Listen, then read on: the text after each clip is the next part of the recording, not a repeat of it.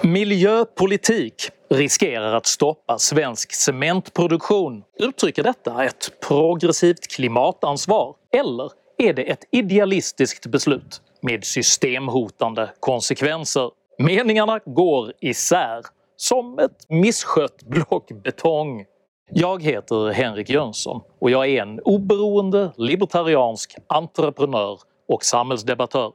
Nyligen avvisades cementtillverkaren Cementas ansökan om fortsatt kalkbrytningstillstånd i Slite på Gotland. Som konsekvens riskerar Sverige att stå utan cement i slutet av oktober med stora konsekvenser för både byggnadsbranschen, gruvdriften och för den svenska industriexporten. Enligt byggnadsbranschens beräkningar hotas uppemot 400 000 arbetstillfällen och Sverige riskerar att drabbas av ett investeringsbortfall på 20 miljarder kronor i månaden så länge cementbrist råder.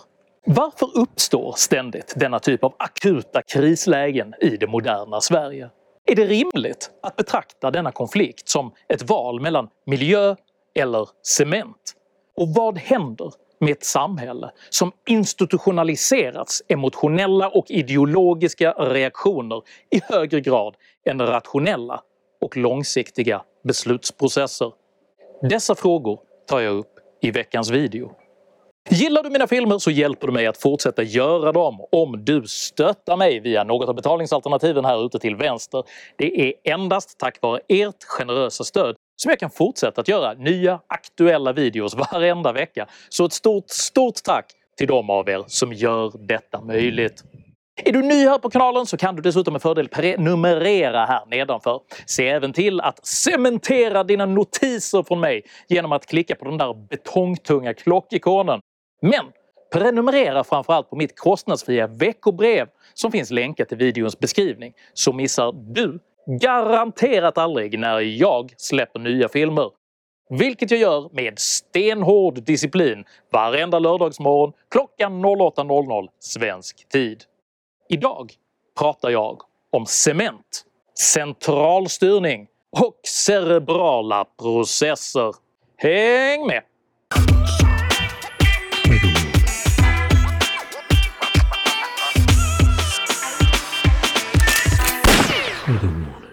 En ko ska vi driva i bet på vår äng och bolster av dun ska vi ha i vår säng och fint postelin och glaserade fat.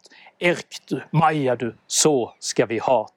Men Maja du, Maja du, var ska vi tat? Jag är för fattig och du är för lat. Du går på roten och jag går på stat. Erk du, Maja du, var ska vi tat? Så lyder de två sista verserna i Gustaf Frödings ekonomiska satirdikt Äktenskapsfrågan från 1891. Diskrepansen mellan det förälskade parets önskemål och deras ekonomiska verklighet illustrerar i humorspegel den mänskliga naturens duala egenskaper där det snabba emotionella kännandet föregriper den långsammare rationella tankeprocessens kranka verklighet. Den prisbelönte israeliske psykologen och ekonomen Daniel Kahneman beskriver i sin bok “Tänka snabbt och långsamt” dessa två parallella mänskliga attityder. Det första reaktionssystemet är snabbt, intuitivt och emotionellt vilket i Frödings dikt uttrycks med utropet “Så ska vi ha't!”. Det andra systemet är långsamt, logiskt och kräver mental ansträngning för att nå sina svar, vilket betonas i diktens frågande slutkläm. Var ska vi ta't?” Rätt tillämpade är båda dessa system användbara och behjälpliga. Men det långsamma systemet fungerar dåligt i akuta krissituationer.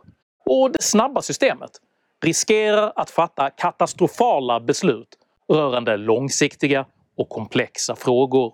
Miljöfrågan och dess paketering i debatten uttrycker ofta en konflikt mellan dessa båda sätt att tänka, där de snabba reaktionerna står för klimatångest, flygskam och emotionellt präglade symbolåtgärder i en situation som egentligen fordrar en pragmatisk och välgrundad verklighetsförankring för att inte riskera att bli destruktiva och kontraproduktiva. Det är alltså angeläget att undvika emotionella reaktioner på problem som kräver rationella lösningar.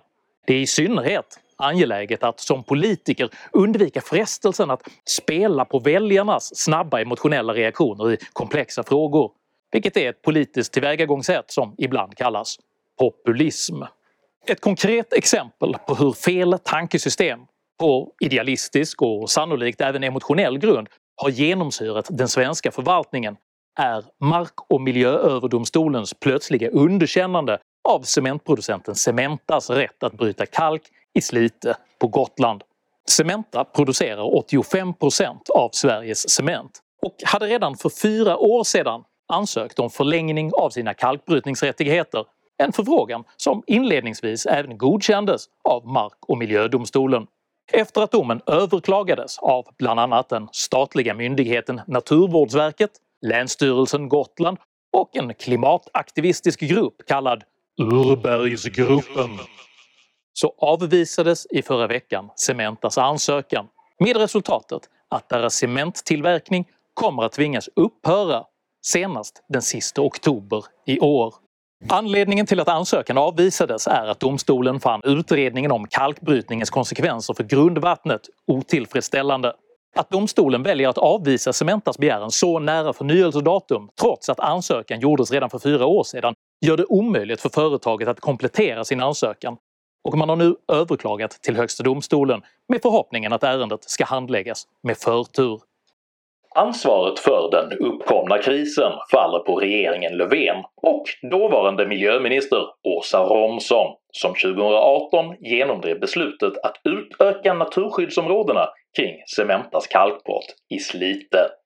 Miljööverdomstolens underkännande av Cementas tillståndsansökan hänvisar specifikt till området Heinum-Kallgate, ett område som regeringen utökat.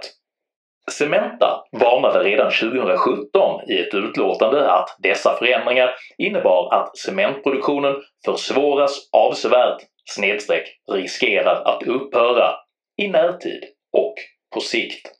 Cementa har utan driftstörningar producerat cement i Slite i 100 års tid. Den nuvarande cementkrisen är alltså en direkt konsekvens av ett aktivt regeringsbeslut av regeringen Löfven pådrivet av Miljöpartiet.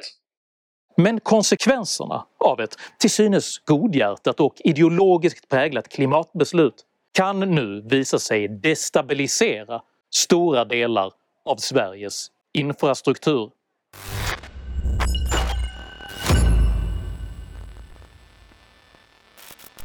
Dominoeffekten är den kumulativa effekt som skapas när en händelse utlöser en kedjereaktion av liknande händelser. Denna typ av kedjereaktioner riskerar att bli mycket storskaliga och kan utlösas genom oförsiktig manipulation av till synes helt obetydliga detaljer i ett komplext system. Inom den klimataktivistiska rörelsen är förståelsen för detta relativt god och man är därför mycket angelägen om att skydda ekosystemet mot olika typer av rubbningar. Färre utsträcker dock samma förståelse till den mänskliga civilisationens komplexa system vars produktiva arbete uttrycks i form av ett globalt och självreglerande handelssystem, vilket är så komplext att ingen människa har kapacitet att överblicka dess helhet. En underhållande illustration av detta produktionssystems hisnande komplexitet gjordes 2015 av en ambitiös ung youtuber som föresatte sig att göra en egen kycklingsmörgås. Alltså att verkligen göra sin egen kycklingsmörgås från grunden. Från att odla sitt eget vete och egna grönsaker till att föda upp en kyckling och utvinna eget salt ur havet. Att tillverka en kycklingsmörgås som du på minuter kan köpa på Pressbyrån för under hundralappen tog honom över ett halvt år att göra och kostade motsvarande nära 15 000 kronor. Det är endast genom myriader av handelsförbindelser, specialistkompetenser och tjänsteutbyten som den moderna civilisationens frukter finns tillgängliga. Och det är mycket lätt att ta dem för givna. Om man på politisk grund vill begränsa utvinningen av vissa typer av råvaror är det därför mycket, mycket viktigt att man först genomför djupgående konsekvensanalyser eftersom det mycket lätt uppstår oförutsägbara obalanser i handelssystemet när tillgången på olika typer av råvaror förändras. Som till exempel tillgången på kalk. Det kan, med det emotionella, intuitiva systemets sätt att tänka, framstå både rimligt och förnuftigt att bromsa ingreppen i naturen samtidigt som det långsiktiga och långsamma tänkandet avslöjar sekundärkonsekvenser som inte bara skapar omfattande samhällsproblem utan vilka även riskerar att bli avsevärt sämre för miljön. Begränsar man tillgången på kalk är det nämligen inte bara ett förmodat girigt råvaruföretag som blir slaget på fingrarna till förmån för miljön. För genom att abrupt strypa kalkbrytningen utlöser man nämligen en kedjereaktion i hela det svenska handelssystemet. Kalk behövs för att kunna producera cement. Om det inte finns någon cement kan man inte bygga några hus. Man kan inte heller anlägga några vägar eller renovera Sveriges rälssystem.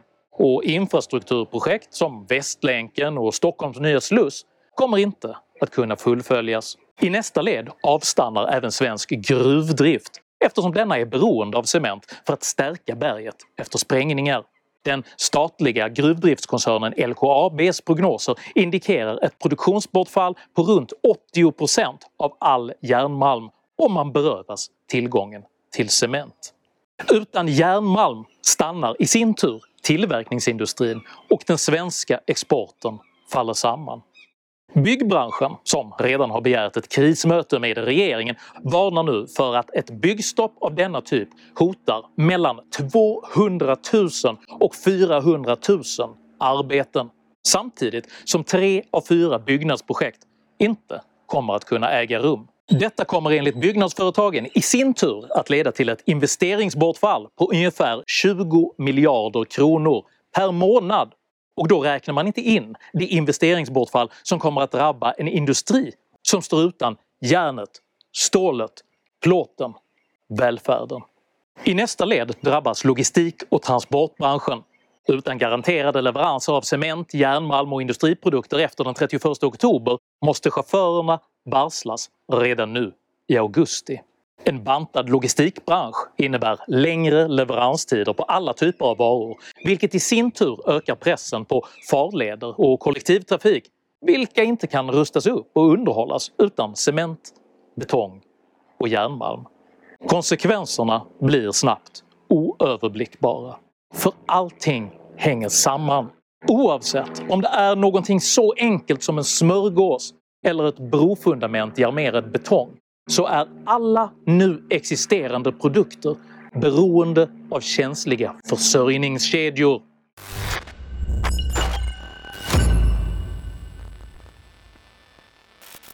Möjligheten att kompensera för den ideologiskt upprättade cementbristen genom upphandling på den internationella marknaden är begränsad på grund av leveranstider och hög internationell efterfrågan på cement och även om svenska företag skulle lyckas handla upp partier av utomeuropeisk cement skulle denna bli både avsevärt dyrare och avsevärt sämre för miljön på grund av produktionsländernas låga miljökrav samt på grund av de långa transporterna från exempelvis Algeriet eller Turkiet.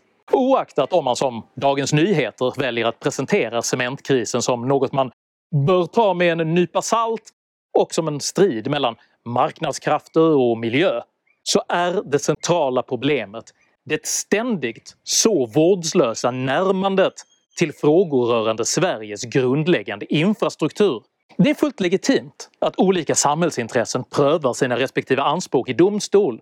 Men när det gäller samhällsviktiga funktioner som råvaruutvinning och energiproduktion måste dessa frågor hanteras i god tid med erforderliga konsekvensanalyser och med i förväg implementerade nya lösningar för upprätthållandet av det svenska samhället. För den aningslösa och emotionellt färgade godtycklighet som länge präglat Sveriges förhållande till systemkritiska funktioner som beredskap, råvaru och energiproduktion vittnar om en idealistisk okunnighet som är karaktäristisk för Kahnemans snabba, emotionella och i detta fall miljöpopulistiska sätt att resonera med potentiellt katastrofala resultat. För utan det långsamma tankesystemets långsiktighet och rationella förankring riskerar okunniga och aktivistiska ideologers vallhänta manipulation av system som de varken förstår eller har kompetens att återskapa att åsamka svensk infrastruktur irreparabel skada. Jag kritiserar inte ambitionen att vårda naturen, ambitionen att effektivisera produktionen eller föresatsen att utveckla ny och mer hållbar teknologi. Jag kritiserar det snabba, emotionella och kontraproduktiva tillvägagångssätt man med rätta kan kalla miljöpopulism. För det är mycket enkelt att hysa starka känslor medan verklighetsförankrade beslut ställer höga krav på kunskap och eftertanke. Jag tillåter mig därför nu att parafrasera Gustaf Frödings äktenskapsfråga i samtida politisk kontext med den ytterst relevanta miljöreformistiska frågan Var ska ni tat? Med känslor så ska vi försvara vår makt så alla kan se vår moraliska prakt. Med genusdoktrin och beskyddat klimat Stefan du, Märta du, så ska vi hat. Men Märta du, Märta du, var ska vi tat? Jag är för velig och du psykopat. Målen vi dryftar, de blir bara prat. Stefan du, Märta du, var ska vi tat?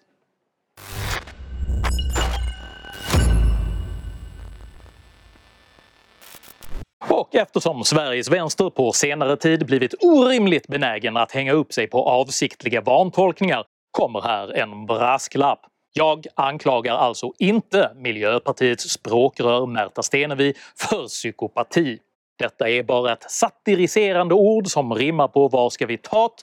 och som spelar an på hennes återkommande och halvdana försök till opportunistisk dygdsignalering. Det finns alltså ingen anledning till att gråta ut i pressen och kräva en ursäkt för mitt ordval.